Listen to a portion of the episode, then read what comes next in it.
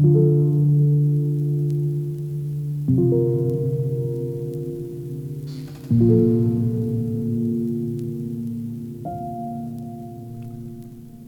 lyssnar på Parafraspoddens Mellansnack 4, denna gång med Elinor Gustafsson.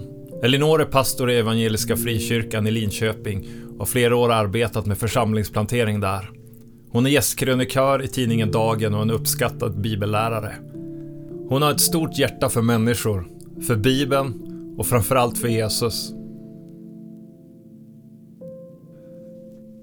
Hej Elinor Gustafsson och välkommen till Parafraspodden. Tack så mycket.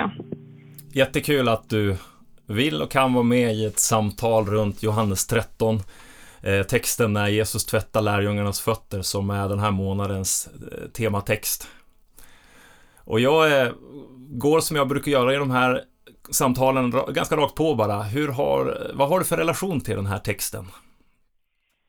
Johannes evangeliet är nog en av mina favoritböcker i Bibeln. Eh, jag har levt i det evangeliet länge. Så jag har nog ingen specifik relation till just det här kapitlet utan snarare till hela, hela boken. Det är ju ett sånt annorlunda evangelium, an, eh, helt andra berättelser än vad som är i de andra, Matteus, Markus och Lukas. Också ett helt annat språk. Mm. Hur, hur kom det sig att det blev den, att du har stannat i den? Eller det, det var just det, det annorlunda i den eller vad? Eh, det började nog med att jag eh, fick någon slags skoluppgift. Jag skulle fördjupa mig kring treenigheten. Eh, hur kan man undervisa om treenigheten? Och då blev jag så nervös om man tänker på olika så här, filosofi och svåra teologer. Eh, men så fick jag hjälp att ja, men gå, till, gå till skriften. Vad finns det för treenighetsteologi där? Vad används det för ord där? Och då är ju Johannes evangeliet ett evangelium som talar väldigt mycket om treenigheten och mycket om fadern och sonens förhållande till varandra. Så det var anledningen varför mm. jag hamnade i det evangeliet och fortsatt då och i min bön så tänker jag mycket kring treenigheten, mediterar över det här, vad är att Gud är en relation som jag har blivit infogad i och det är ju ett tema som finns väldigt starkt i Johannes evangeliet att, att Gud är en relation eh, som vi är mm. infogade i och vi blir delaktiga, vi finns i Gud, i, i den här kärleken. Mm. Ja, så bra. Um, och när vi närmar oss den här texten med Jesus fottvättande då, som vi, som vi ska prata lite runt. Vad, eh, vill du hjälpa oss med lite kulturförståelse? Vad, vad, står det här att tvätta någons fötter för? Det är ju så otroligt inte Sverige 2020 att tvätta fötter. Men vad, vad är i, hur ska man se det? En av de stora sakerna att just Jesus går ner och tvättar fötter. Vad tänker du? För det första så behöver man ju tvätta fötterna. Alltså har man sandaler om man är i ett sånt här varmt land, då blir det ju skitigt. Eh, minns jag var ute och gick i, i, i öken i Jordanien en gång och skulle tvätta bara mina sandaler efter det med en näsduk och eh, den näsduken har fortfarande inte fått ren. Alltså det är fortfarande sandfärgad Oj. näsduk. Så att behö man behöver ju tvätta fötterna av rent hygieniska skäl. Eh, eh, och också att man låg till bords. Eh, man, man, man har fötterna uppe i... vi, vi är inte vana vid att träffa på varandras fötter. så som vi äter och har måltid. Eh, så det finns ett behov. Eh, men sen är det ju att, precis som vi också tycker idag, att det är det här med att tvätta fötterna är någonting smutsigt, så det kan ju inte vem som helst göra. Mm. Utan man tvättade sina egna fötter eller möjligtvis en slav som tvättade ens fötter. Eh, så det är ja. en sån här skillnad mm. mot idag. Mm. Ja, just det. det. Det som har slagit mig när jag har läst den här texten, det, det är ju bland annat lärjungarnas reaktioner i det. Och i, i synnerhet blir Petrus den som sätter ord på ett slags motstånd inom sig att, att Jesus ska tvätta hans fötter. Eh, varför väckte Jesus betjänande av lärjungarna det här motståndet tror du? Och det är ju en sån här skillnad mot idag också, att vi kanske inte heller vill att någon ska tvätta våra fötter, men det är ju för att vi inte vill att någon ska se hur de ser ut. Vi skäms för våra mm. fötter. Men här är det ju, eh, han är medveten om de sociala hierarkierna och vad som passar sig. Och det är någonting som sitter i kroppen, vad som passar sig. Alltså när någon går utanför vad som, vad, var det utanför normen, då kände vi skam. Mm. Eh, det här är inte okej. Okay. Det här, så här ska man inte göra, det här är pinsamt. Och det är ju den reaktionen som Petrus har. Det här är inte lämpligt att du som min mästare, min ledare, eh, bryter den här sociala hierarkin och tvättar mm. mina fötter. Hur, hur, tror du, jag pendlar då lite mellan texten och vår, vår relation till texten och vår relation till Jesus. Hur kan det här motståndet komma till uttryck i oss i relationen till Jesus? Eh, av, av, av, Guds betjänande av oss? Finns det kvar ett motstånd ibland i oss och, och hur kan det då komma till uttryck? Absolut. Eh, för jag tror ändå vi kan, kan liksom haka tag i den här känslan av att okej, okay, jag, jag, vill inte att någon ska tvätta mina fötter. Eh, jag vill, det är ju att man, att, att man inte vill att någon ska röra vid mig, eh, komma nära, eh, ta hand om mig. Eh, och, och det där eh, kan man ju fundera på. Alltså, vem skulle jag låta tvätta mina fötter? Eh, skulle någon få göra det överhuvudtaget kan jag tänka mig att, Jesus skulle få göra det. Eh, det finns ju någonting där. Eh, eh när jag eh, umgås med bibeltexter så brukar jag ofta kliva in i händelser, alltså se berättelsen som någon slags film. Göra min egen Jesusfilm och kliva in i berättelsen. Mm. Och då kan man ju låtsas att man sitter liksom Antingen kan man göra det att man går in verkligen i det, i det rummet och ligger till bords och sådär. Men, men att sitta i sin vanliga, på sin vanliga stol eller sin vanliga soffa och se framför sig hur Jesus liksom tar en tvättbalja och stoppar ner mina fötter och, och tar fram någon fotfil eller någonting. Mm, att, mm. att, uh, hur känns det, det där fysiska, att, någon, att, att, Gud, att Gud rör vid min kropp? Uh, mm. ja, och vad händer i mig då? Det, det är ett sätt att umgås med den här texten. Mm. Eh, eh, jag, jag slås av att Petrus då i det här, han, först är det som att han tycker att, att Jesus gör för lite, eh, alltså gör för mycket. Ska du tvätta mina fötter? Men sen är det som om Jesus gör för lite, ja men tvätta hela mig. Eh, hur har du vuxit i förståelse av att se och ta emot det Jesus gör i ditt liv? Jag tror att vi, vi, vi lever i en, en förståelse av att men jag, jag låt, jag kommer mina behov till Gud. Jag, jag, jag, jag, jag låter honom tvätta mina fötter. Men vi kan ju bli avslöjade i när vi, när, vi, man, när man reflekterar över frågan, tillåter jag andra människor att, att hjälpa mig? och det är någonting som jag tänkt på i relation till den här texten, för det, det landar ju i eh, att vi ska tvätta varandras fötter. Så att mm. Jesu kärlek till oss gestaltas i att vi tvättar varandras fötter.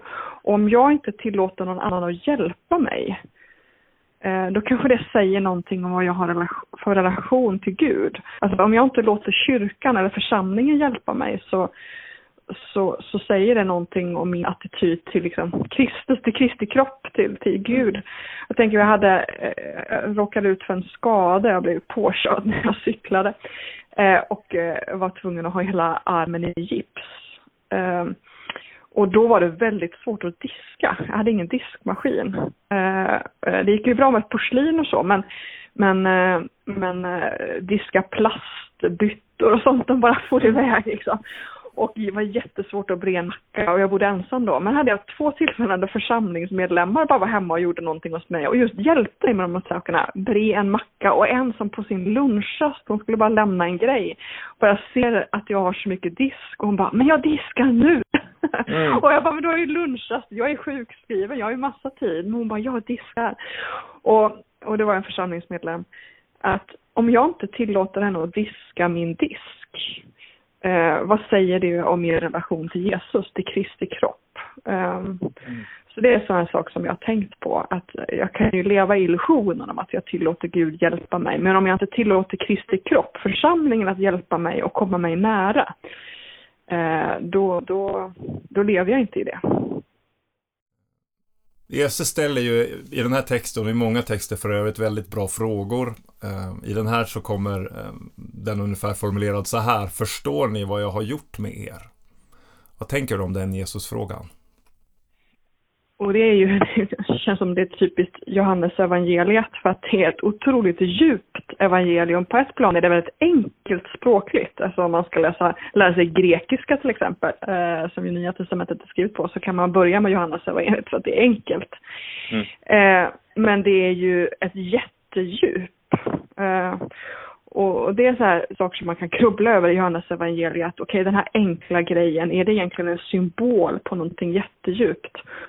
Eh, och då kan man ju fundera på vad är det som händer här? Eh, det är ju ett uttryck för av kärlek. Eh, eh att, att eh, Gud uppenbarar vem han är, att han är någon som är, han är utgivande kärlek.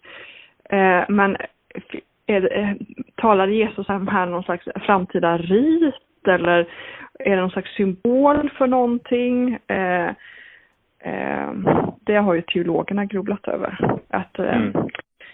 Och också att det tar väldigt lång tid att förstå vem Gud är. Alltså nu har jag, jag har levt med det här evangeliet i tio år drygt och känner verkligen fortfarande att jag bara, jag lever fortfarande bara försöker ta in mm. Eh, det här bildspråket och, och den här verkligheten. Eh, att, att det tar väldigt lång tid att lära känna Gud. Det är liksom, det är en evighet att, att i, jag finns i frikyrkan och där har vi en slags övertro på den här snabba gudsupplevelsen. Alltså man går in på ett möte, upplever någonting och så går man ut därifrån och så är man förvandlad.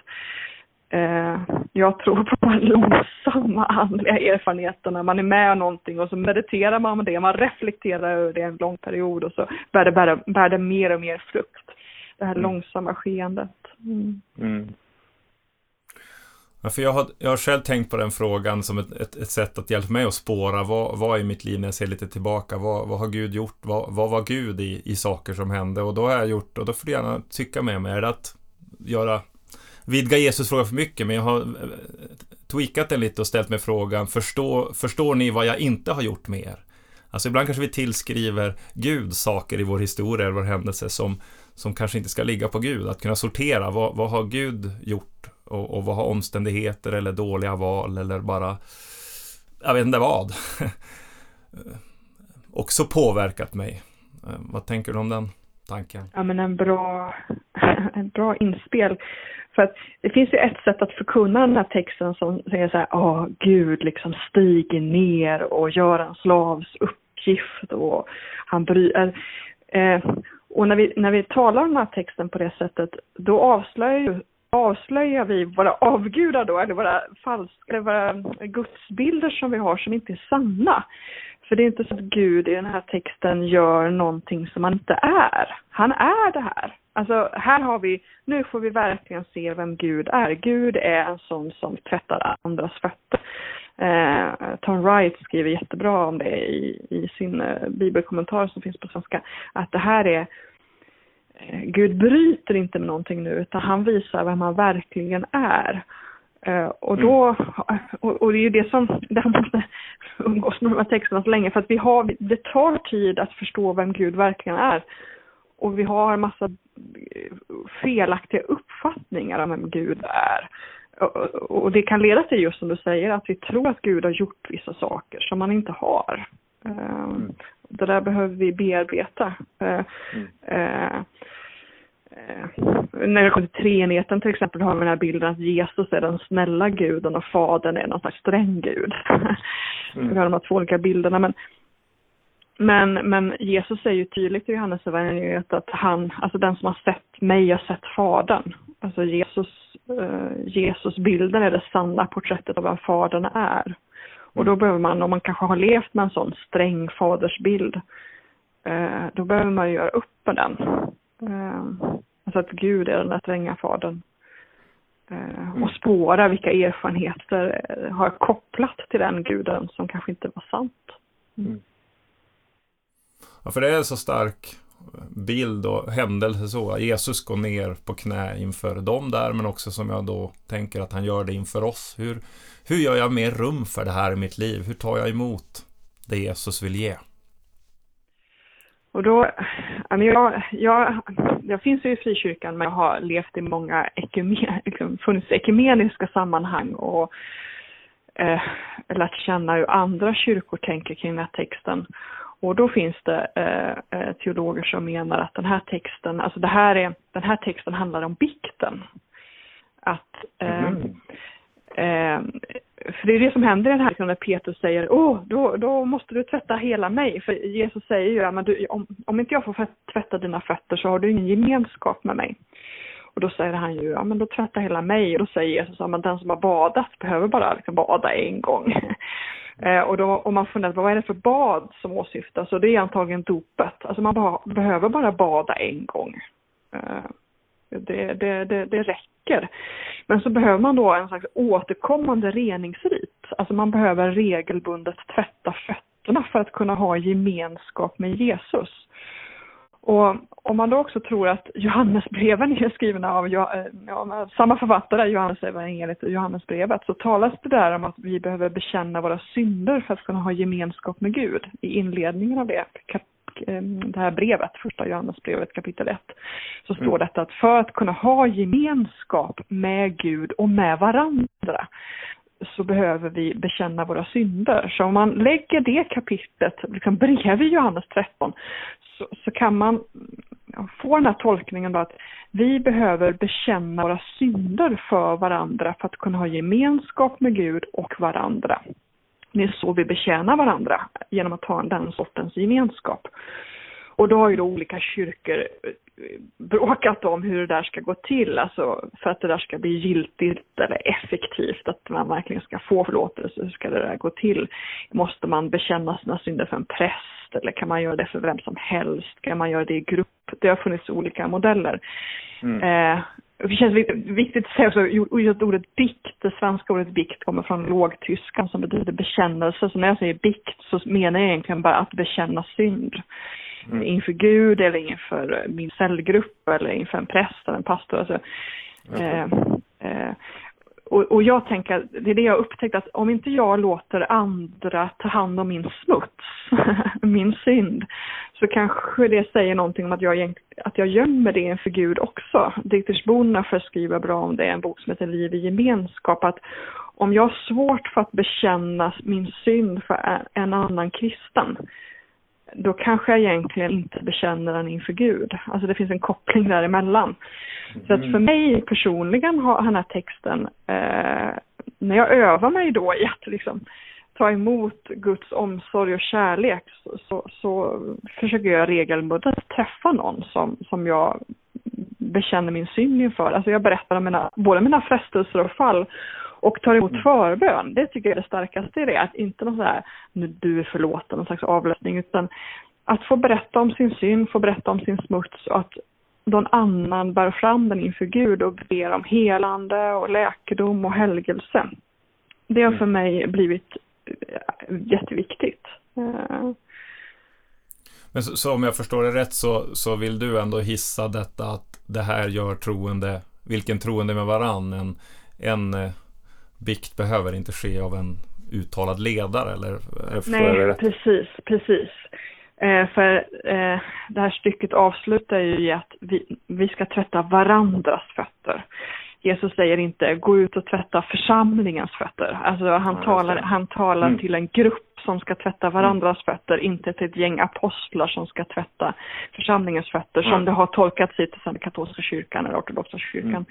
Dietrichsborna, för han var lutheran, han var luthersk präst och i den lutherska kyrkan så finns det en kluvenhet kring det, för, och det beror på att Luther i hans skrifter så säger han olika, kanske för att han tänkte olika i olika perioder, man vet inte, men därför finns det en kluvenhet i, i Svenska kyrkan till exempel bland lutheraner Eh, ibland verkar Luther säga att man, det, man måste bikta sig för en präst. Eh, det är då liksom det får effekt. Mm. Eh, eh, och då menar han att bikten för med sig en salighet, alltså man kan ju bekänna, alltså bekänner man sin synd inför Gud så får man förlåtelse, men det finns en speciell salighet i att bekänna sin synd inför en annan människa. Frälsningsglädjen tickar in. Och, mm. och, och han menar att det där bör man göra inför en präst, för en präst kan också förmedla bra vägledning i det. Men så finns det också eh, eh skrifter av Luther där han säger att man kan, liksom, vem som helst kan ta emot bikten, till och med ett barn. Och då, därför finns det en kluvenhet mellan eh, när det, eh, man är oense, eller de lutherska prästerna är oense. Och Dietrich för han tryckte på den broderliga bikten. Eh, den broderliga bekännelsen. När vi, när vi bekänner våra synder för varandra, då är vi bröder och systrar. Inte en, liksom, det ska inte vara för inför, en, en biktfader, alltså en, en andlig mm. ledare, utan det ska vara den broderliga bikten.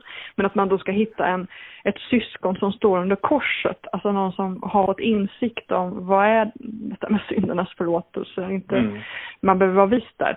Men, men, det har jag också landat i. Jag, jag, tror att man ska söka upp någon som man har förtroende för, eh, helt enkelt. Eh, det måste mm. inte vara en pastor.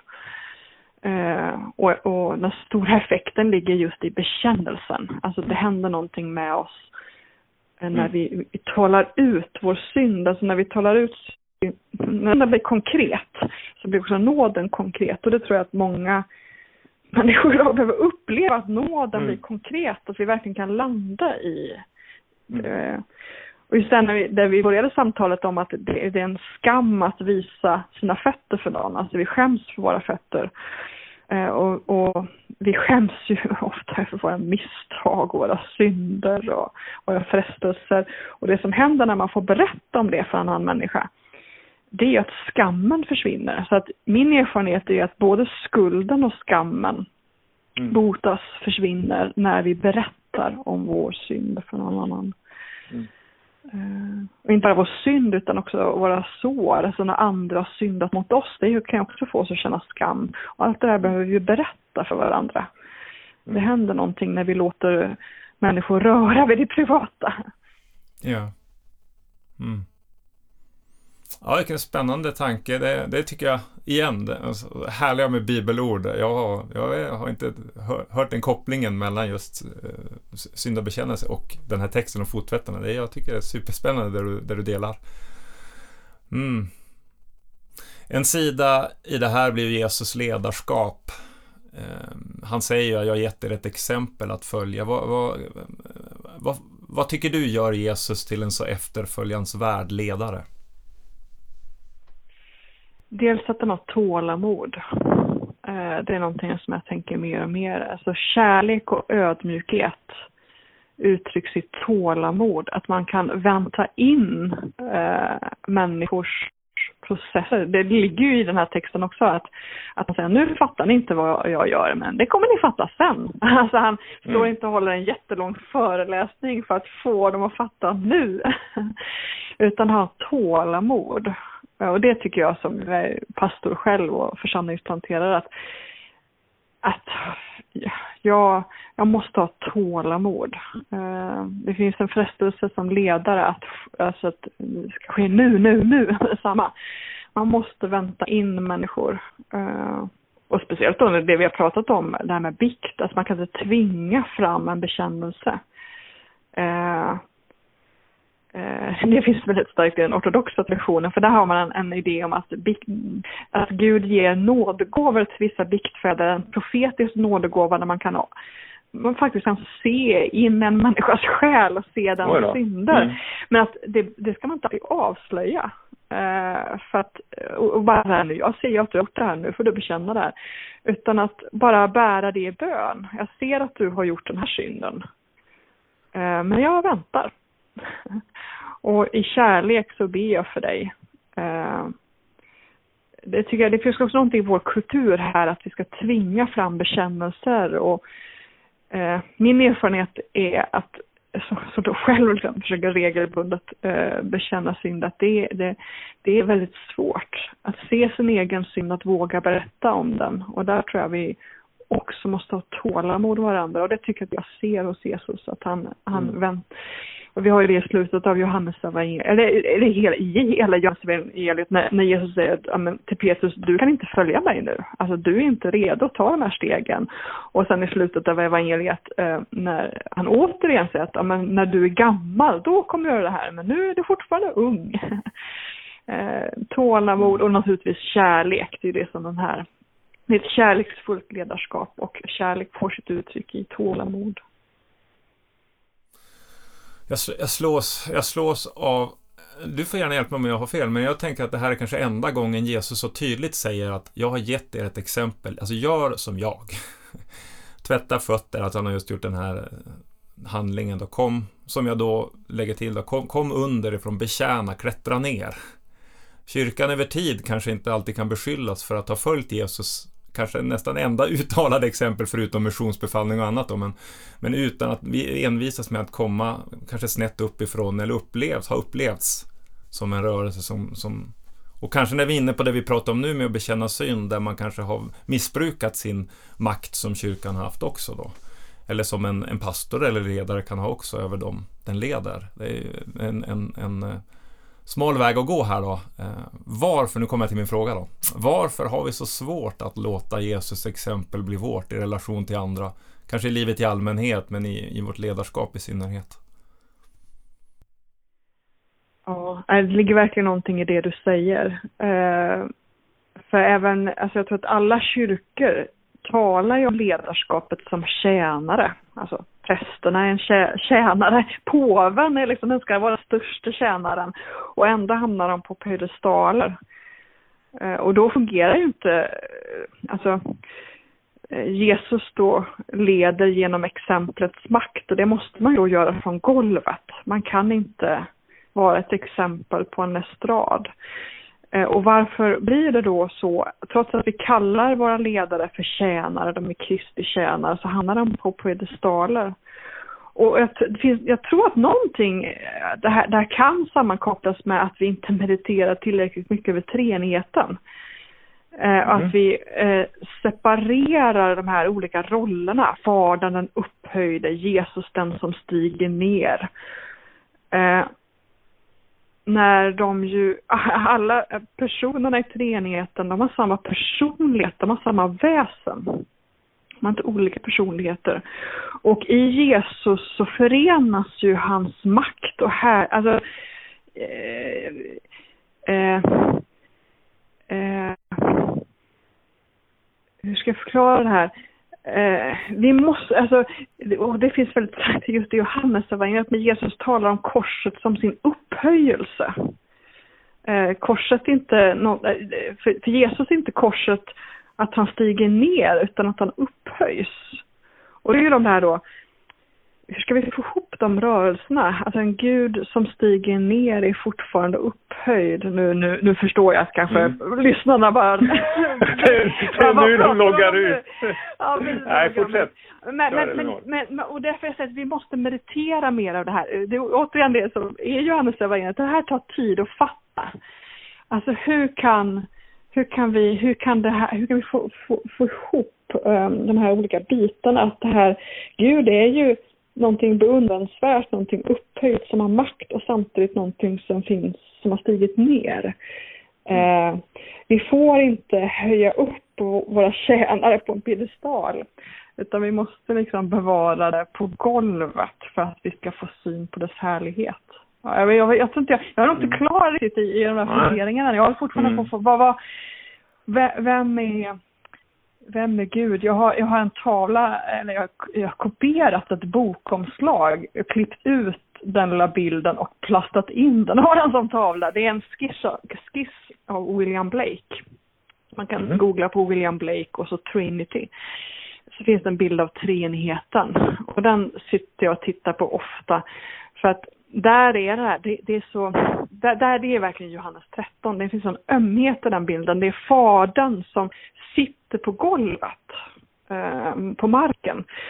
Eh, mm. med raklånga ben och i sin famn har han den korsfäste sonen som liksom är helt utslagen. Så att det är fadern som tröstar sin korsfäste son. Och över dem som, så vilar anden som en jättestor fågel med, eh, mm. alltså de täcker fadern och sonen med sina vingar. Och då, så här är Gud. Gud är öm kärlek. Mm. Uh, och det visar att alltså, alla personerna i treenigheten delar då samma personlighet, samma väsen, samma kärlek, samma ömhet, samma vilja att betjäna. Mm. Eh, och eh, vi får inte separera dem, det upphöjda, det, det, vakten och tjänaren, det sitter ihop. Eh, mm. Det där ja, behöver jag titta på ofta, liksom, att, att Gud är en. Eh, när Jesus gör det här så visar han vad alla personerna i treenigheten är. Både, alltså, anden är också sån här, som tvättar mm. fötterna. Fadern är också någon som tvättar fötterna. Mm. Det här är Guds personlighet, Guds väsen. Och därför måste hela kyrkan andas detta. Det ska inte vara någon slags eh, olika roller. Mm mot, slutet här då jag tänker och kanske eller dit egentligen jag kan leda ditt eget svar höll jag på att säga. Men, men det här med hemgrupp, smågrupp, att vara en del av ett mindre sammanhang eh, som jag vet och förstår att du tycker ändå är viktigt. Var, varför blir det en varför är det viktigt för mig som lärjunge att vara en del av en mindre grupp? Eh, för att då, kom, då, då finns det möjlighet eh, för närhet. Och då tänker jag, ja men den här personen som var hemma hos diska hos mig. Eh, att vi släpper in varandra i våra hem, vi hjälper varandra, vi ber för varandra. Eh, eh, och vi är exempel för varandra. Eh, och, och då är det ju inte bara ledaren som ska vara ett exempel utan alla, för att ingen är ju fullkomlig. Alltså, mm. Vi kan alla vara förebilder på något område för varandra så att jag som ledare behöver ju också vara en del av en hemgrupp. Och, mm. och eh, ta emot andras hjälp och vara ett exempel i det. Att jag, jag är en sån som tillåter andra att hjälpa mig. Mm. Eh, sen är det ju många som har funderat på den här syndabekännelsen. Är det någonting som ska ske i grupp eller inte? Eh, och det tror jag att det kanske in, att vi är dåliga på att förvalta varandras hemligheter. Mm. Eh, jag, jag, tror att det blir för svårt. Det kanske behövs ske två och två. Eh, däremot så eh, behöver man kanske ibland som ledare, eller ibland vissa synder behöver bekännas i grupp jag har en sån som en sån ledare som finns i mitt liv som ett exempel. Mm. Mm. Som just ledde en, en liten församling, en församlingsplanterare och han, han, han äh, fick ett vredesutbrott i ett sammanhang där äh, det var inte i kyrkans egenskap utan det var i det här samhället som han levde i. Och det behövde han bekänna inför den lilla församlingen, alltså förlåt i den här vreden, liksom, det, det behöver jag mm. bekänna som synd. Och det blev, då blev han ett sånt exempel, att han gick före och sa att det här, det här är det kristna livet. Liksom. Man faller och man reser sig upp igen och man känner och man jobbar inte det undan. Och det där är ju, det är liksom kristet ledarskap. Att han mm. fick också vara ett exempel i sitt fall. Uh, uh, och gå före. Mm. Ja. Uh, Ja, men vi mm. behöver leva närmare varandra helt enkelt. Och det sker i en små grupp. Det är svårt att, att, att göra i en kyrksal. Mm. Min, eh, min sista fråga är varför fortsätter du följa Jesus idag? Varför har du fortsatt och fortsätter? Vad har haft avgörande betydelse för dig? Ja, och det har också med Johannes evangeliet att göra det som när det talas om att vara i Gud och att ha sitt hem hos Gud och eh, att jag sitter fast. Att det finns stunder där jag kanske inte vill följa Jesus, när jag känner att jag vill ge upp för att det är för svårt eller för jobbigt. Eller så. Men då inser jag att jag sitter ju fast, det går ju inte. Jag har ju växt ihop med Jesus. Jag är liksom fått en fesisk tvilling. Det går liksom inte att sticka. Mm. Alltså det finns någonting där med att alltså, bli förenad med Jesus genom dopet. Jag sitter fast. Så att det är liksom bara, det, jag får bara ge upp.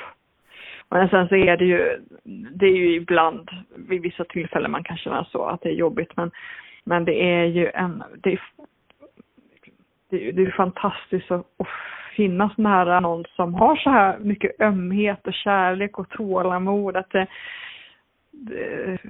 ja, så det, det, är också att jag är föräl, fortfarande förälskad, fortfarande kär. Alltså det är någon form av äktenskaplig relation. Alltså, man sitter mm. fast genom en slags förbundslöften. Man sitter ihop. Eh, man har blivit ett. Och så finns det dagar där man inte är så glad och man vill sticka. Och så finns det stunder där man bara, åh det här är fantastiskt. Mm. Ja, bra, det tycker jag var superbra slut, slutord. Tack Elinor för det här samtalet och får önska dig allt gott i det du gör och det du har framför dig. Tack! Stort tack för möjligheten att få, få samtala med dig. Mm.